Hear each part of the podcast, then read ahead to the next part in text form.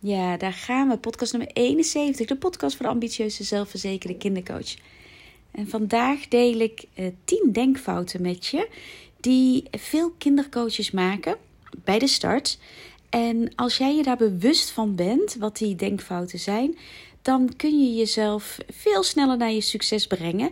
Dus um, ook al is deze lijst niet onuitputtelijk, maar 10 klinkt zo leuk, um, doe er je voordeel mee. Nou, voordat ik uh, overigens begin, uh, excuses als je een uh, gek gebrom hoort. Ik heb een kat die ligt zo'n beetje met zijn neus in mijn telefoon. En ik neem deze podcast op mijn telefoon op. Hij is super aanhankelijk en lief aan het doen. Ik vind het zonde om hem weg te sturen, maar hij knort nogal hard. Dus misschien dat je dat hoort. Denkfout nummer 1. Zodra ik naar de Kamer van Koophandel ga, is het echt. En natuurlijk, hè, zodra je naar de Kamer van Koophandel gaat, dan ben je officieel ondernemer. Dus dan is dat stukje echt. Maar het is niet zo dat op het moment dat je naar de Kamer van Koophandel gaat, dat de klanten dan ineens in slaapzakken voor de deur liggen. Het is ook niet zo dat um, het dan in één keer echt spannend wordt. Er verandert eigenlijk helemaal niks. Hè? Je gaat naar de Kamer van Koophandel, je staat binnen 10 minuten buiten en dan ben je ondernemer. Maar jij bent niet ineens een ander persoon. Um, wat ik veel zie gebeuren is dat uh, starters denken dat uh, op, ja, alsof met een magisch toverstafje, op het moment dat je de Kamer van Koophandel naar buiten, naar buiten loopt, dat je dan veel meer zelfvertrouwen hebt, dat je jezelf dan echt ondernemer voelt. Um, dat, uh, ja, dat het dus van daaruit gewoon gaat gebeuren. Maar er is veel meer nodig dan dat. Dus alles waarover je onzeker bent, dat je nog niet helder hebt, dat je nog niet in kannen en kruiken hebt voordat je naar de Kamer van Koophandel gaat, moet je, gaat, moet je nog even goed in kannen en kruiken krijgen als je bij de Kamer van Koophandel bent geweest. Dus zet er alsjeblieft geen harde knip. Stel dus ook het naar de Kamer van Koophandel gaan niet onnodig uit. ik, ik, zie dan vaak gebeuren van dan moet eerst mijn website af zijn, die moet dan in de lucht. En dan uh, moeten mijn flyers klaar liggen en dan kan ik naar de Kamer van Koophandel. Waarom? Waarom kan het niet andersom? Waarom is het een afhankelijk van het ander? en ik heb nu gebruikt de, de kamer naar de Kamer van Koophandel gaan als voorbeeld, maar dit geldt voor een heleboel dingen. Ja, ik kan pas aan de slag als ik een praktijkruimte heb. Dat is niet waar. Tuurlijk is het lekker als je een eigen praktijkruimte hebt. Maar als jij nu nog geen praktijkruimte hebt, je bent nog niet bij de Kamer van Koophandel geweest, maar je wil heel graag die kindercoachpraktijk tot een succes gaan maken. En ik bel jou vandaag op en ik zeg je, luister, ik heb drie klanten voor je en die willen alle drie morgen beginnen. Zeg je dan nee? Want ik ben nog niet naar de Kamer van Koophandel geweest. Zeg je dan nee? Want ik heb nog geen kantoorruimte, ik heb nog geen praktijkruimte. Kan je deze mensen dan niet helpen? Tuurlijk kan je ze dan wel helpen dus ga voor jezelf na. Wat zit er achter of onder dat je tegen jezelf zegt: Het is pas echt als ik naar de Kamer van Koophandel ben geweest. Denkfout nummer 1 was dat. Nummer 2 is dat je eerst een naam voor je praktijk moet hebben voordat je iets kan doen. En ook dat is niet waar. Ja, duh, ik deel 10 denkfouten. Dus alles wat ik deel, ga ik dus zeggen dat niet waar is. Um, tuurlijk is het handig als je een naam voor je praktijk hebt. Want je, je registreert je bij de Kamer van Koophandel, je wil een website maken. Dus het is wel zo handig dat je weet hoe je jezelf dan noemt. Maar is het noodzakelijk om te kunnen starten? Nee. Hetzelfde geldt hier. Als ik zeg dat ik morgen drie klanten voor je heb, zeg je dan: Ik heb nog geen naam, dus ik kan nog niet starten. Dat is je reinste onzin natuurlijk. En ik zie zo vaak gebeuren dat er heel lang en veel wordt nagedacht over de perfecte naam voor je praktijk waardoor je enorm in de vertraging komt. Het gebeurt niet zelden hoor, dat ik iemand spreek en die zegt: ja, ik ben al een half jaar aan het dubben over de naam. Hoe kan het dat jij een half jaar de tijd hebt? Als jij een serieus bedrijf wil neerzetten, hoe kan het dat je een half jaar de tijd hebt om na te denken over een naam?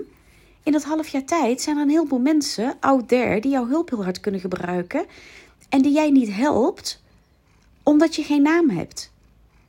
Dus en bovendien, ook een belangrijk, als je naar de Kamer van Koophandel gaat, je wordt altijd geregistreerd onder je eigen naam, want je bent een eenmanszaak. Dus ga dan naar de Kamer van Koophandel, registreer je onder je eigen naam.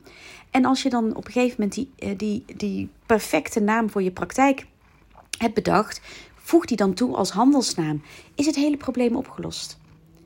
En waarom zou je jezelf niet kindercoach Marlies in mijn geval noemen. Of gewoon in mijn geval Marlies van der Hout. Dat kan. Gewoon je eigen naam gebruiken. En tuurlijk is het heel tof hè, als je een kekke naam hebt. Maar is het nodig? Nee. Mensen komen voor jou. En hiermee zeg ik niet dat je per se je eigen naam moet gebruiken. Hè, maar mensen komen voor jou. Dus je kan prima je eigen naam gebruiken. Scheelt je heel veel denkwerk. Het enige kanttekening daarbij is, maar dat geldt ook voor ludiek bedachte namen. Als jij een naam hebt die moeilijk te bedenken is hoe je die spelt als je de naam hoort. Als jij Bruinings heet met U-I-Y uh, bijvoorbeeld, of U-I lange I. Weet je, dat zijn. En dan een X op het eind, of KS op het eind. Al die varianten die je dan hebt, weet je, die zijn er vaak een beetje ingewikkeld. Dus dan is het handig om, om echt even kritisch te kijken of het, ja, of het slim is om je eigen naam te gebruiken. Um, maar verder, waarom zou je het jezelf moeilijk maken? Dit geldt overigens, ik zei het al, dit geldt ook voor ludiek bedachte namen. Hè? Ik zag laatst echt een prachtige praktijknaam. Um, en daar zat een, zat een leuke uh, woordspeling in. Um, met ik met een K en een Q achter elkaar. De speling was super tof. Ik snapte hem helemaal als het gaat om de doelgroep die deze vrouw bedient. Maar leg het maar eens uit aan iemand over de telefoon of in een podcast of uh, nou ja, hoe dan ook, uh, op nou ja, mondeling, hoe je het schrijft. En zelfs soms, als mensen het visueel zien, zitten er nog een heleboel um, uh, foutkansen in. Ik had zelf laatst met iemand die um, heeft een heel, hele toffe praktijk en daar zit het woord bureau in. En uh, nou, daar ging ik al de fout in, terwijl ik de naam had zien staan. Hè? Dus ik had hem geschreven gezien, dus ik had kunnen weten hoe je het schrijft. Maar daar ging ik de fout in met bureau met EAU in plaats van O. En uh, dat het een punt com-adres was, geloof ik, in plaats van .nl. En dat had zij gedaan omdat .nl al bezet was. Ook niet handig om te doen, hè? Krijg je alleen maar verwarring van. En .nl wordt altijd beter gevonden dan .com. Want de gemiddelde Nederlander tikt gewoon .nl in. Nou, maar dat terzijde. Dus naam van je praktijk is belangrijk. Um, maar zo belangrijk nou ook weer niet dat je heel lang moet wachten voordat je kunt starten. Nog een denkfout, nummer drie, is dat je allereerste investering moet zijn een webbouwer.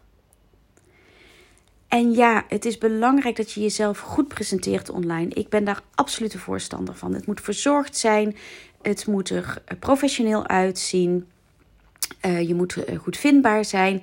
Dus super belangrijk. Hè? De, de uitstraling van je site moet jou, ja, laten we het maar even merk noemen, um, ondersteunen, zo niet versterken. Het punt is alleen, ook hier geldt, heb jij een website nodig voordat jij klanten kunt maken? Nee.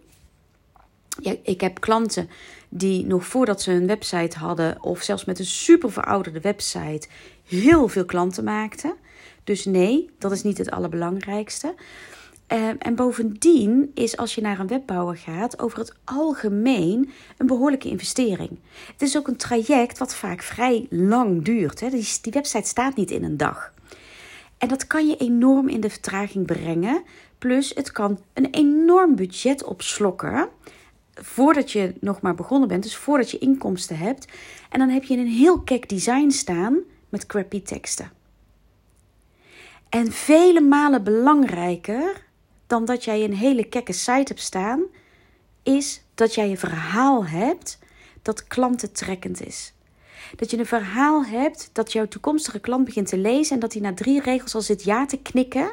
Van, oh ja, dit gaat over mij. Oh, potverdorie. Dit is, dit, dit, dit, dit is, hier moet ik meer van weten. Dit is blijkbaar iemand die mij kan helpen. En een druk op de knop. Dat verhaal is vele, vele, vele malen belangrijker dan de site zelf. En natuurlijk, hè, als jij een crappy site hebt en een heel goed verhaal, dan kan dus de, de hele uitstraling, kan je verhaal ook weer afzwakken. Dus dat is ook niet handig. Maar echt, als je moet kiezen, waar begin ik met het investeren? Investeer dan alsjeblieft in begeleiding op het neerzetten van een heel goed verhaal. Zorg ervoor dat je klanten gaat maken en investeer dan in het bouwen van je website. Denkfout nummer 4, dat de tweede beste investering zou zijn het maken van een flyer. Hiervoor geldt precies hetzelfde. En, en, het, en er spelen ook nog wat andere dingen mee. zolang jij niet een heel goed strak verhaal hebt, wat ga je dan op een flyer zetten? Waarmee ga je jouw klanten aantrekken? Dan kan je wel een mooi gedrukt iets hebben, weer, weer ziet er kek uit, maar met een crappy verhaal. Ja, weet je, hoe wil je daar klanten mee aantrekken? Dus zorg ook hier dat je eerst een goed verhaal hebt voordat je erover gaat nadenken om flyers te maken. Daarnaast is het heel belangrijk dat je gaat denken, nadenken over wat wil ik met die flyer bereiken. Iedereen denkt automatisch: ik moet een website hebben en een flyer hebben. En die gedachten zijn logisch, maar veel belangrijker is om voor jezelf na te gaan: oké, hoe ga ik mijn ideale klant bereiken? Wie is mijn ideale klant eigenlijk? Met welk verhaal ga ik die klant aantrekken? En welke middelen heb ik nodig om dat te doen? Waar vind ik die klant? En is dan die flyer inderdaad het middel bij uitstek om die persoon te bereiken? Of moet je dat op een hele andere manier doen? Kun je beter gebruik maken van posters? Kun je beter uh, aanzichtkaarten maken die je huis aan huis bezorgt? Kun je beter een podcast starten? Kun je beter gaan bloggen? Wat is de manier om jouw klant te bereiken? En is een flyer daar dan het juiste middel voor? Heel vaak niet. En wat er dan vaak gebeurt, is, en ik snap dat, god weet je, dit, dit heb ik zelf ook heel vaak gedaan. Als je een flyer gaat laten drukken, ja, dat drukwerk, de startkosten zijn, zijn er. Maar tegen de tijd dat je 50 of 100 stuks hebt geprint, is 250 stuks een stuk goedkoper verhoudingsgewijs. 500 betaal je eigenlijk bijna niks meer extra bij. En bij 1000, ja, weet je, kost het helemaal geen drol meer. Dan laat je 1000 flyers drukken. Maar heb je erover nagedacht waar je die flyers kwijtraakt? Waar je ze kunt neerleggen, hoe je ze gaat verspreiden? En het gebeurt niet zelden, ook ik heb me daar schuldig aan gemaakt. En sterker nog, toen ik ging verhuizen met mijn praktijk, maakte ik mijn boekenkast leeg. En ik had gewoon een paar stapeltjes flyers liggen. Ja, weet je, als ik heel eerlijk ben, waren die eigenlijk al verouderd op het moment dat ze gedrukt waren. dus wees echt voorzichtig met dat soort investeringen. Denkfout nummer 5 is: ik ga alles en iedereen benaderen. Scholen, eh, bezo's, kinderdagverblijven, huisartsen, tandartspraktijken, whatever. En als er dan niet gelijk een stormloop komt aan klanten, of als je zelfs van verschillende partijen te horen krijgt: we zitten er niet op te wachten, of gewoon een nee, hè, of we hebben al iemand, of nee, nu even niet, dat jij dan de conclusie trekt: niemand zit op mij te wachten. Eén keer proberen is geen keer proberen. De kracht zit echt in de herhaling. En mensen moeten je meerdere keren voorbij zien komen voordat ze alert worden, voordat ze jou gaan herkennen en voordat ze, eh, als ze getriggerd zijn door je verhaal, een stap maken om naar je toe te komen. Dus als jij één keertje een school benadert en dan bij uitblijven van een reactie of bij uitblijven van een reactie die je had gehoopt, besluit: het heeft geen zin. Scholen hebben allemaal een eigen netwerk. Ehm, dus ze moeten me niet, dan gooi je heel veel kansen weg. Weet dat ik een keer een school heb gehad waar ik voor de zevende keer binnenliep met mijn flyers onder mijn arm. Mijn posters waren, het waren geen flyers, posters onder mijn arm voor een training die ik ging geven. En ik loop dan in één keer toevallig de coördinator van de groepen 8 tegen het lijf. En ik liep met mijn postertjes van mijn brugklastraining onder mijn arm. En ze zegt: hey, geef jij die training? Loop even mee. Want we zijn net aan het vergaderen over de toekomstige, uh, uh, groep, uh, toekomstige brugklassers. En we maken ons zorgen over de overgang naar de middelbare van een paar. En voordat ik het wist, zat ik daar dus met dat stapeltje posters onder mijn arm in die vergadering. En ik heb nooit meer hoeven werven voor die training. Die zat altijd vol met leerlingen van die school. Als ik na één keer, twee keer, drie keer, vier keer, vijf keer, zes keer had gedacht: niemand zit erop te wachten, ik heb nog nooit een klant via die school gekregen, was ik deze kans misgelopen. Dus geen keer, één keer is geen keer. Dat waren er vijf.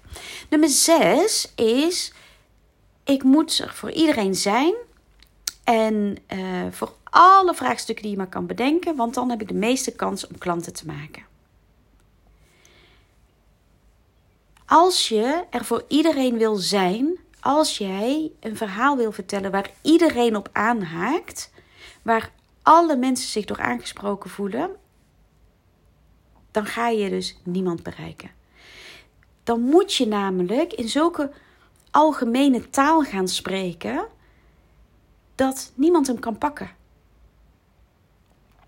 Als jij er wil zijn voor kinderen in de basisschool, onderbouw, middenbouw, bovenbouw, pubers, alle leeftijden, maar ook jongvolwassenen en ouders en volwassenen die geen kindvraagstuk hebben, hoe ga je ze dan benaderen? Ja, dan kun je als een kip zonder kop overal gaan vertellen over jouw praktijk, maar wat vertel je dan? Want als jij er voor iedereen bent en voor tig verschillende vraagstukken jezelf uh, uh, verkoopt, laat ik het maar zo zeggen, dan gaat die ander denken: waar ben jij nou eigenlijk echt van? Je maakt dan je doelgroep heel groot in de hoop dat je raak zult schieten. Terwijl als je je doelgroep heel klein maakt en een super concreet aansprekend verhaal vertelt, specifiek voor die doelgroep, dan is de kans dat je mensen raakt met jouw verhaal vele malen groter. Dan is je doelgroep veel kleiner, maar zul je meer mensen aantrekken dan wanneer je je doelgroep honderd keer zo groot maakt. Ik ben daar zelf een goed voorbeeld van met mijn kindercoach uh, uh, focus. Ik trek heel veel niet-kindercoaches aan. Maar die komen ook af op mijn verhaal, omdat dat zo concreet en aansprekend en duidelijk is. Dat zo duidelijk is dat ik weet waar ik het over heb. Dat mensen die geen kindercoach denken, bij die Marlies moet ik zijn, want die weet waar ze het over heeft. En dat wil jij ook creëren. Dus doe jezelf een plezier hè? en ga echt kijken wie is de klant waar ik het allerhappiest van word.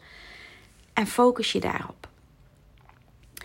Denkfout nummer 7 is dat je altijd beschikbaar moet zijn um, om uh, je praktijk van de grond te krijgen.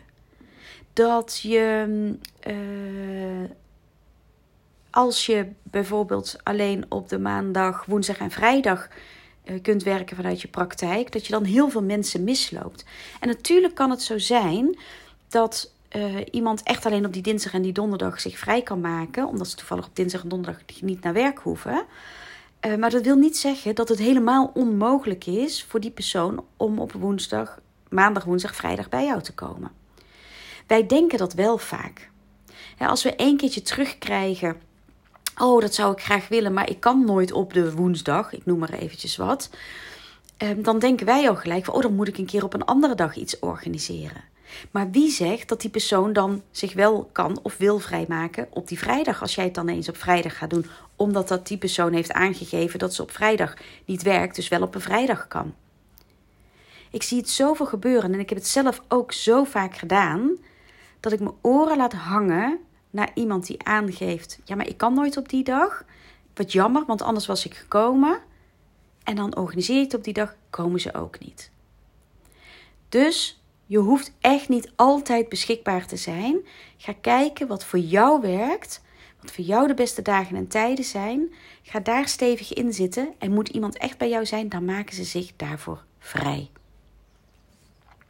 En bedenk ook, hè, tegen de tijd dat je agenda voller is, kun je ook niet meer altijd beschikbaar zijn. Hè? Dus aan de ene kant is het lekker op het moment dat je nog een vrij lege agenda hebt. Tuurlijk zou ik flexibel zijn. Want ja, weet je, je agenda is toch nog zo leeg. Dus hè, vul dan je agenda alsjeblieft met, met alle kansen die er zijn. Maar op het moment dat, het, uh, dat jij een gatenkaasagenda krijgt of iemand per se op, ik noem maar wat, een donderdagavond wil, omdat dat het enige moment is dat zij zich kunnen vrijmaken, maar jouw hele systeem zegt: ja, maar ik wil helemaal niet op een donderdagavond werken, dan is het jouw goed recht om nee te zeggen. Het is jouw goed recht om te bedenken: als ik nou wel een bommetje volle agenda had, zou ik dan me hiernaar plooien? En als dan het antwoord nee is, waarom zou je het dan nu wel doen? Ja? Denkfout nummer 8 is: ik kan nog niets, want ik heb nog geen praktijkruimte. En die heb ik eigenlijk al aan het begin genoemd. Tuurlijk is het heerlijk als je een eigen praktijkruimte hebt. We weten ook allemaal dat een eigen praktijkruimte best wel een investering is en dat het niet makkelijk is om een fijne ruimte te vinden. Dus waarom kies je niet voor een um, tijdelijke oplossing? Zodat je wel aan de slag kan, ook al is die suboptimaal, dat je wel aan de slag kan, maar dat je, en je je dus niet afhankelijk maakt van het wel of niet hebben van een praktijkruimte. Nogmaals, als ik nu tegen jou zeg: ik heb nu een klant voor je en die kan vandaag nog bij je komen. En jij hebt geen ruimte.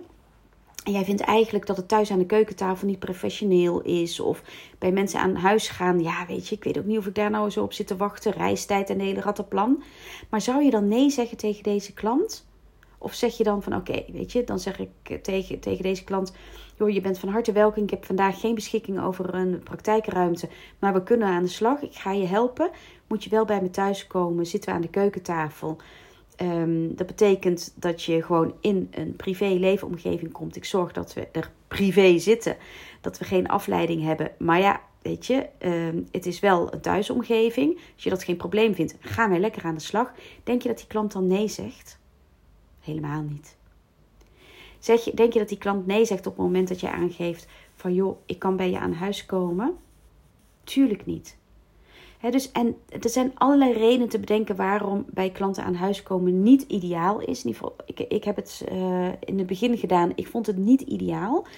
Uh, ik vond dat ik te veel zag wat, wat mij beïnvloedde in mijn mening over hoe een kind opgroeide.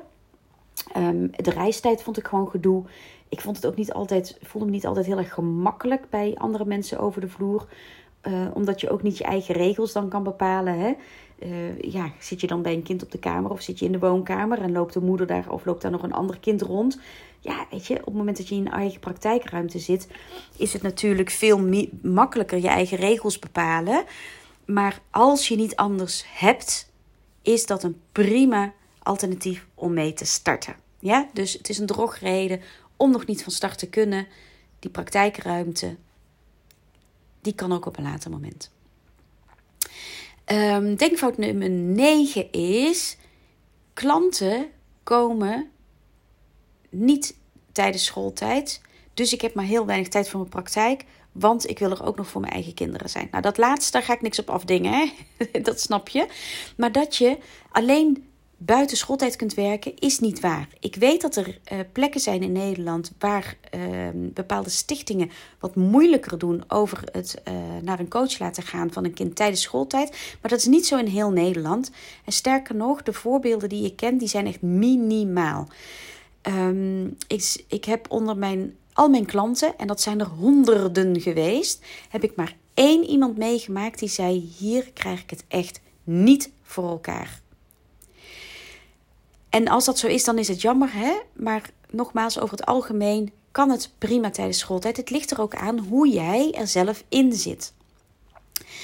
Ik vond het persoonlijk niet eerlijk naar een kind toe als ze overdag op school zitten. Um, ze zitten niet lekker in de vel, daar hebben ze ook last van op school. Dan moeten ze de hele dag naar school. Dan is een kind kapot, want het heeft stress. Dan moet het na school ook nog naar een coach. Dat is gemeen. Kind moet ontspannen, dat kind moet spelen. Dus hoe zou het zijn dat die paar keer, want we hebben het hier niet over een jarentraject, hè, die misschien zes keer een kind tijdens schooltijd naar een coach mag, waar school dus ook profijt van heeft, als dat kind weer lekker in de vel zit, zo snel mogelijk. Um, vaak is het als ouders aandragen, ja, school doet, uh, dat, dat kan allemaal niet zomaar met school. Vaak dragen ouders dit aan omdat ze het zelf ongemakkelijk vinden om toestemming te vragen aan school. En of omdat ze het zelf ongemakkelijk vinden, wat ik begrijp, dat ze overdag met hun kind moeten uh, verplaatsen. Dat betekent dan vaak dat ze zelf een halve dag vrij moeten nemen. En dat komt natuurlijk gewoon niet lekker uit. Wees eerlijk, dat snap ik ook wel. maar ga niet te snel mee in het kan alleen na schooltijd of het kan alleen s'avonds. Andersom geldt precies hetzelfde. Als jij op het moment dat je start met je praktijk denkt: Oh heerlijk, dan kan ik alleen tijdens schooltijd werken. En dan kan ik er na schooltijd altijd zijn voor mijn kinderen. Um, de vakanties vrij. Dan kan ik dus eigenlijk de perfecte. Uh, voor in de ogen van mijn kinderen de perfecte thuismoeder zijn. Zij hebben er geen last van dat ik overdag aan het werk ben. Ook dat is vaak een misvatting. Het is mij nooit gelukt om alleen tijdens schooltijd te werken. Ik heb ook altijd na schooltijd gewerkt. Al was het voor de oudergesprekken en voor de pubers, waarvoor het wat, ja, weet je, waarvoor het in mijn ogen wat ingewikkelder is om zich tijdens schooltijden vrij te maken. Omdat er wat meer van afhangt hè, met die, al die proefwerken die ze hebben, de proefwerkweken. Um, het, het, het ligt ook allemaal wat gevoeliger als ze tijdens schooltijd weggaan.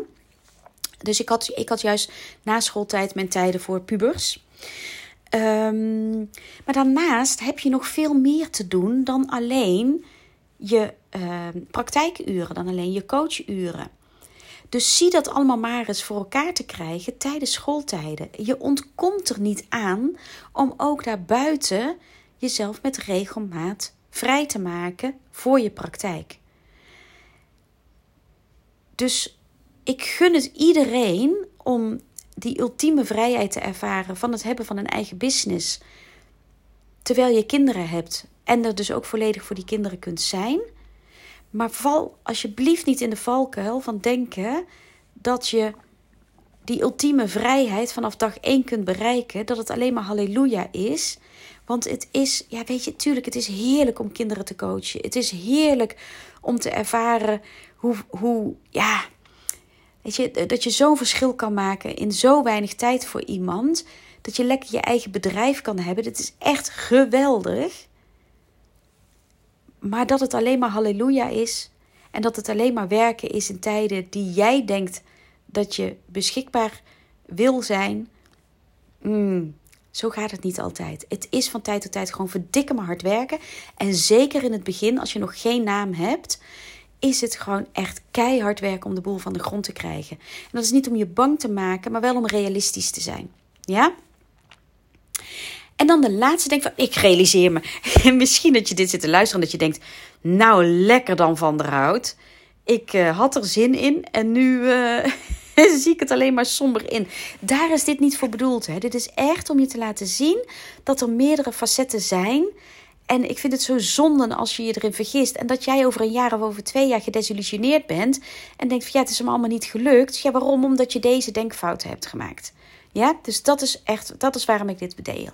De laatste, niet durven investeren in de dingen die belangrijk zijn, want ik heb nog maar een klein budget, want ik verdien nog niks uit mijn praktijk. Maar luister, als jij met een K-verhaal, een 13 in een dozijn verhaal, wat niemand aanspreekt, gaat proberen klanten aan te trekken, dan gaan de inkomsten om te investeren in het bouwen van je praktijk ook niet komen. Dus sommige dingen heb je te doen voordat je de markt kunt betreden, zodat je vele malen sneller die klanten gaat maken, zodat je vele malen sneller budget hebt om weer verder in jezelf te investeren. Dus als je mij vraagt wat is de beste investering die je kan doen aan de voorkant, dan is het investeren in je zelfvertrouwen. Dan is het investeren in een rete goed verhaal waarmee je jezelf gaat profileren op een manier die bij jou past. Vol zelfvertrouwen helemaal zoals jij bent, zodat je de klanten gaat aantrekken waar jouw hart een huppeltje van maakt. Dat is echt waar de beste investering die je kan doen. Dat is natuurlijk een beetje flauw, hè? want zo kan ik heel makkelijk een bruggetje maken naar mijn aanbod.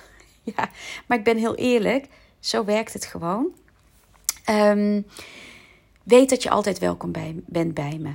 Heb je nu deze podcast geluisterd en denk je, kak, ik zit mezelf nog te handremmen. Ik heb eigenlijk nog niet goed helder welke kant ik op wil. En potverdikke me, 2023 komt er alweer aan.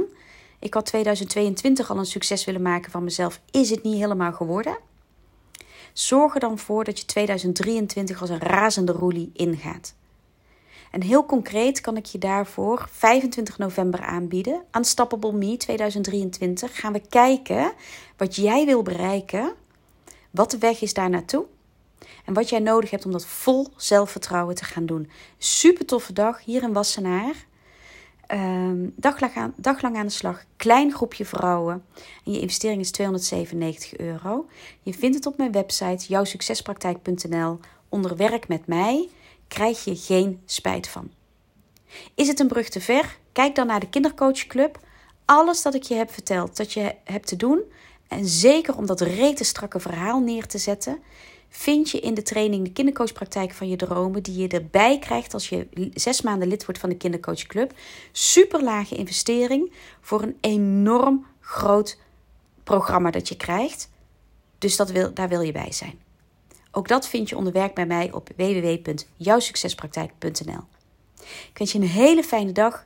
Laat me weten wat je van deze podcast vond en we spreken elkaar snel.